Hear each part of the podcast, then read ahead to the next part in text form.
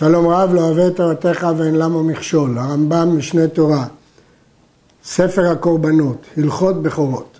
יש בכללם חמש מצוות, שתי מצוות עשה ושלוש מצוות לא תעשה. וזהו פרטן. א', להפריש בכורות. ב', שלא יאכל בכור תמים מחוץ לירושלים. דהיינו בכור שראוי לקורבן, אסור לאכלו מחוץ לירושלים. ג', שלא ייפדע בכור, אסור לפדות בכור. ד', להפריש מעשר בהמה, ובהמשך הרמב"ם יגיד מדוע הוא צירף את מעשר בהמה לבכור. ה', שלא ייגאל מעשר בהמה, וחללתי המעשר עם הבכור לפי שמעשה שניהם אחד, הבכור והמעשר והפסח קודשים קלים, שליטתם בכל מקום בעזרה ודמן טעון, המשנה משווה את כולם.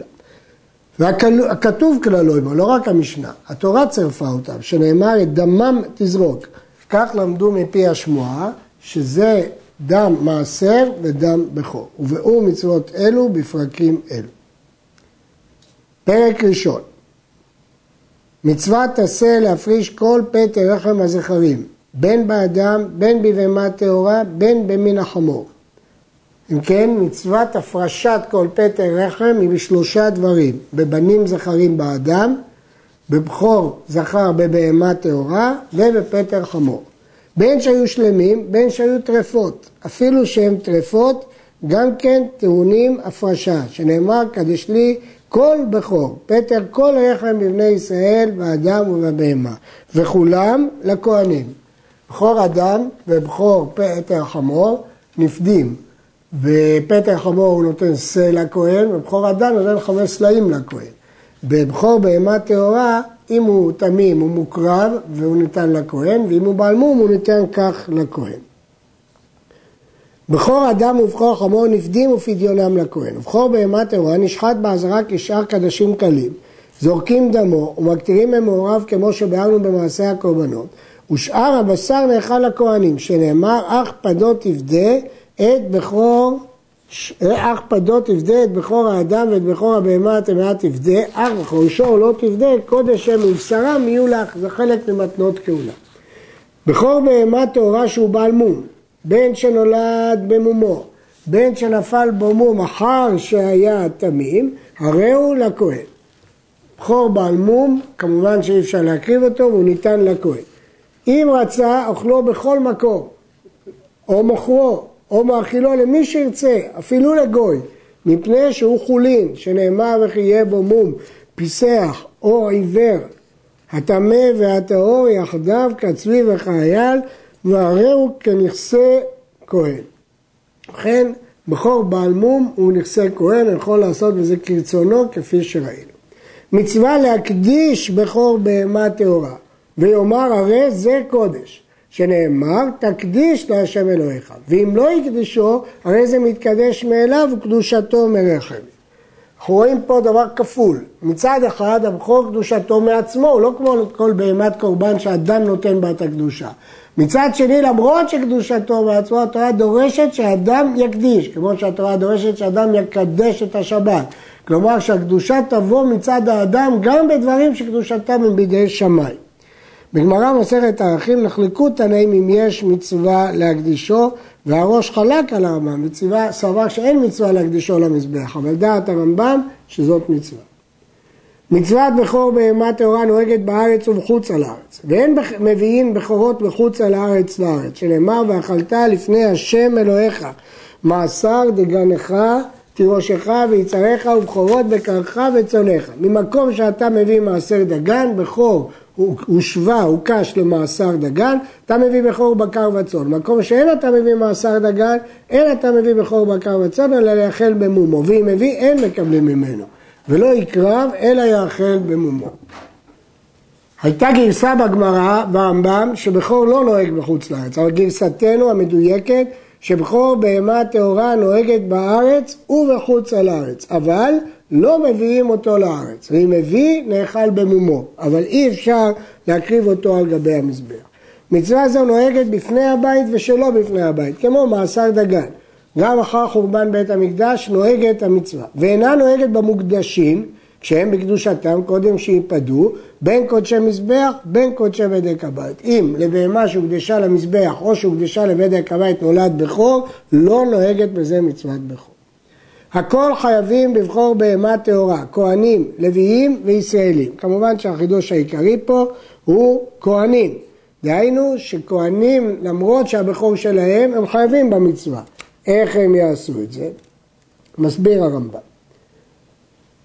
אף על פי שהבכור לכהן נולד לו בכור, מקריב דמו ואמוריו כמו שבאנו עם הבכור תמים, ואוכל שאר הבשר בתורת בכור, שנאמר כל הבכור שיוולד בבקרך ובצונך. אבל בכור אדם ובכור בהמה טמאה, כהנים ולוויים פטורים, כמו שבארנו בהלכות מתנות כהונה. אז זה דין מיוחד בבכור בהמה טהורה שכהנים חייבים, כמובן הם יכולים אחר כך לקבל את זה לעצמם. הבכור נאכל בתוך שנתו, בין תמים בין בעל מום, שנאמר לפני השם אלוהיך תאכלנו שנה בשנה, וכי יהיה בו מום בשעריך תאכלנו. וממתי מונה לו? ממתי מונים את השנה? אם תמו מונה לו מיום שמיני שהוא ראוי להקרבה, מאז מונים את השנה.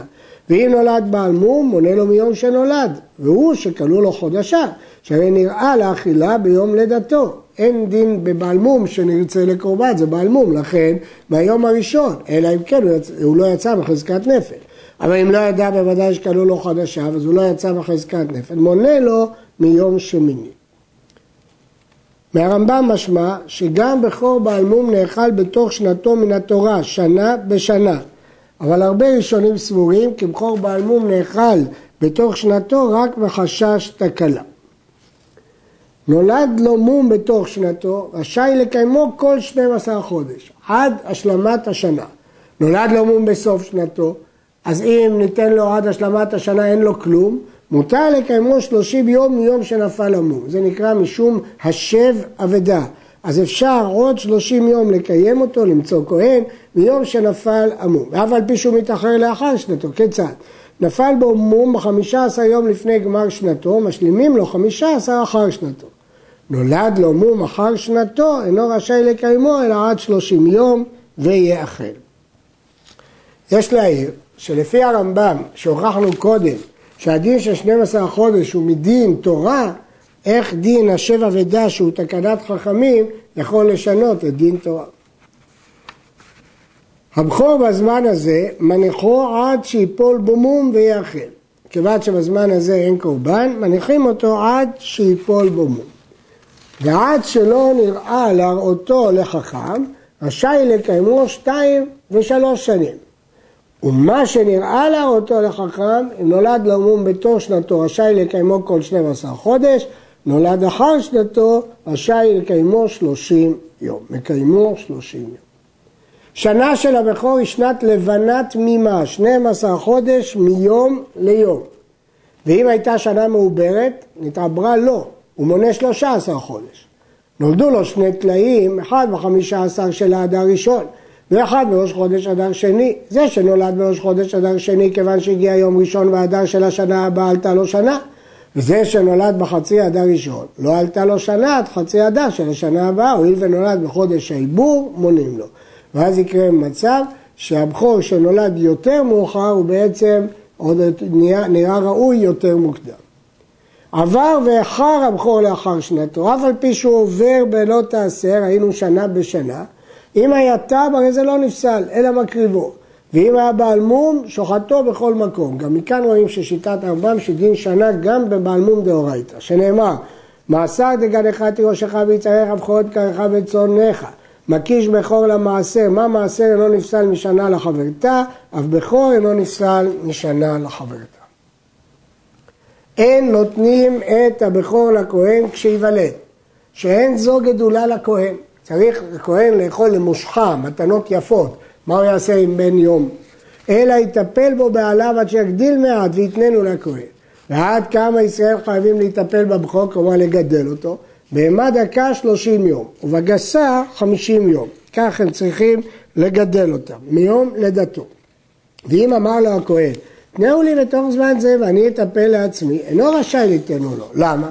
הרי לכאורה זה לטובת הכהן, ואם הכהן רוצה, למה לא ייתנו לו? מסביר הרמב"ם.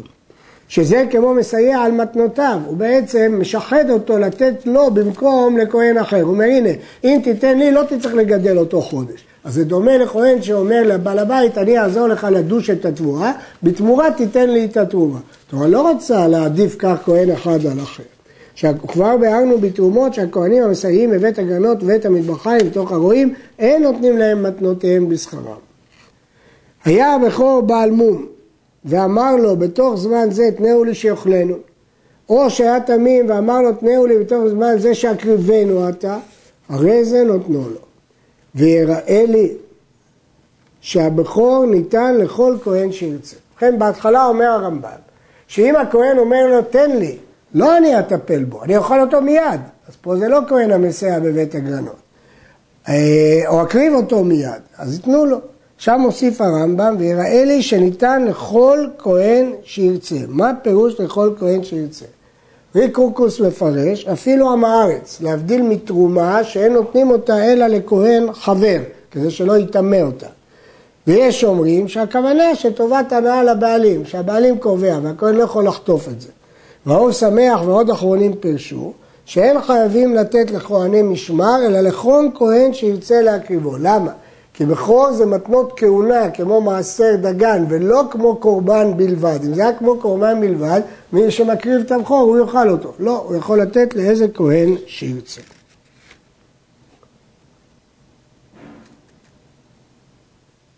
כהן שאכל כזית מבכור תמים חוץ לירושלים, לוקה מן התורה. שנאמר לו תאכל לאכול בשעריך מעשר דגנך ותירושך ויצריך ובכורות בקרך וצניך. נשים לב, פה לא מדברים על אכילת קורבנות חוץ למחיצתם. פה זו רשימה של דברים שהם לא קורבנות, והתורה השוותה להם בכור. וכן זר שאכל כזית מבכור, בין לפני זריקה, כלומר לפני זריקת אדם, בין לאחר זריקה לוקה. מפי השמועה למדו שזו אזהרה אף לזר שאכל בכור, בין לפני זריקה, בין לאחר זריקה. הבכור אין פודים אותו, שנאמר בכור שור או בכור כסף או בכור עז לא תיפדה, וכן אין מוכרים אותו כשהוא תם, שכיוון שהוא עומד לקורבן אין לכהן בו זכות כדי למוכרו. זה לא מתנות כהונה רגילות, הוא מקבל את זה כמתנה מהמזבח, ולכן אין לו זכות אם הוא ראוי למזבח. ובזמן הזה שאין בית, הואיל ולאכילה עומד כשיפול בו מום, אפילו שעכשיו הוא תמים, אין קורבנות, הרי זה מותר למוכרו אף על פי שהוא תמים, בין לכהן בין ישראל, כי בסופו של דבר זה עומד לאכילה. בכור בעל מום, שהוא ודאי עומד לאכילה, יש לכהן למוכרו בכל זמן, בין שלא בפני הבית, בין לפני הבית, בין חי, בין שחוט. וכשהוא מוכר בשר בכור בעל מום, מוכרו בבית, אבל לא בשוק, כמו שביארנו בהלכות ייסורי המזבח. כיוון שההנאה היא לא, ולא להקדש, אז לכן אין סיבה לבזות את הבכור, לכן לא ימכור אותו באטליז בצורה מכוערת. אבל בשר, בכור תמים, אינו נמכר מפני שהוא בשר קודש.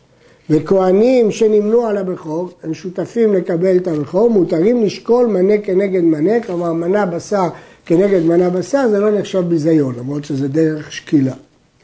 המפריש בכור בעל מום, הרי זה מותר להפשיטו באיזה דרך שירצה, זה לא נחשב ביזיון, אם הוא רוצה להרגיל, דהיינו להפשיט, להוציא את האור שלם, וזה קצת ביזיון לבהמה, מותר. וכן שאר פסולי המוקדשים, אם רצה להפשיטם מן הרגל, מפשיט. אבל קורבנות ממש כשהוא מפשיט, חייב להפשיט מהראש, לא מהרגל.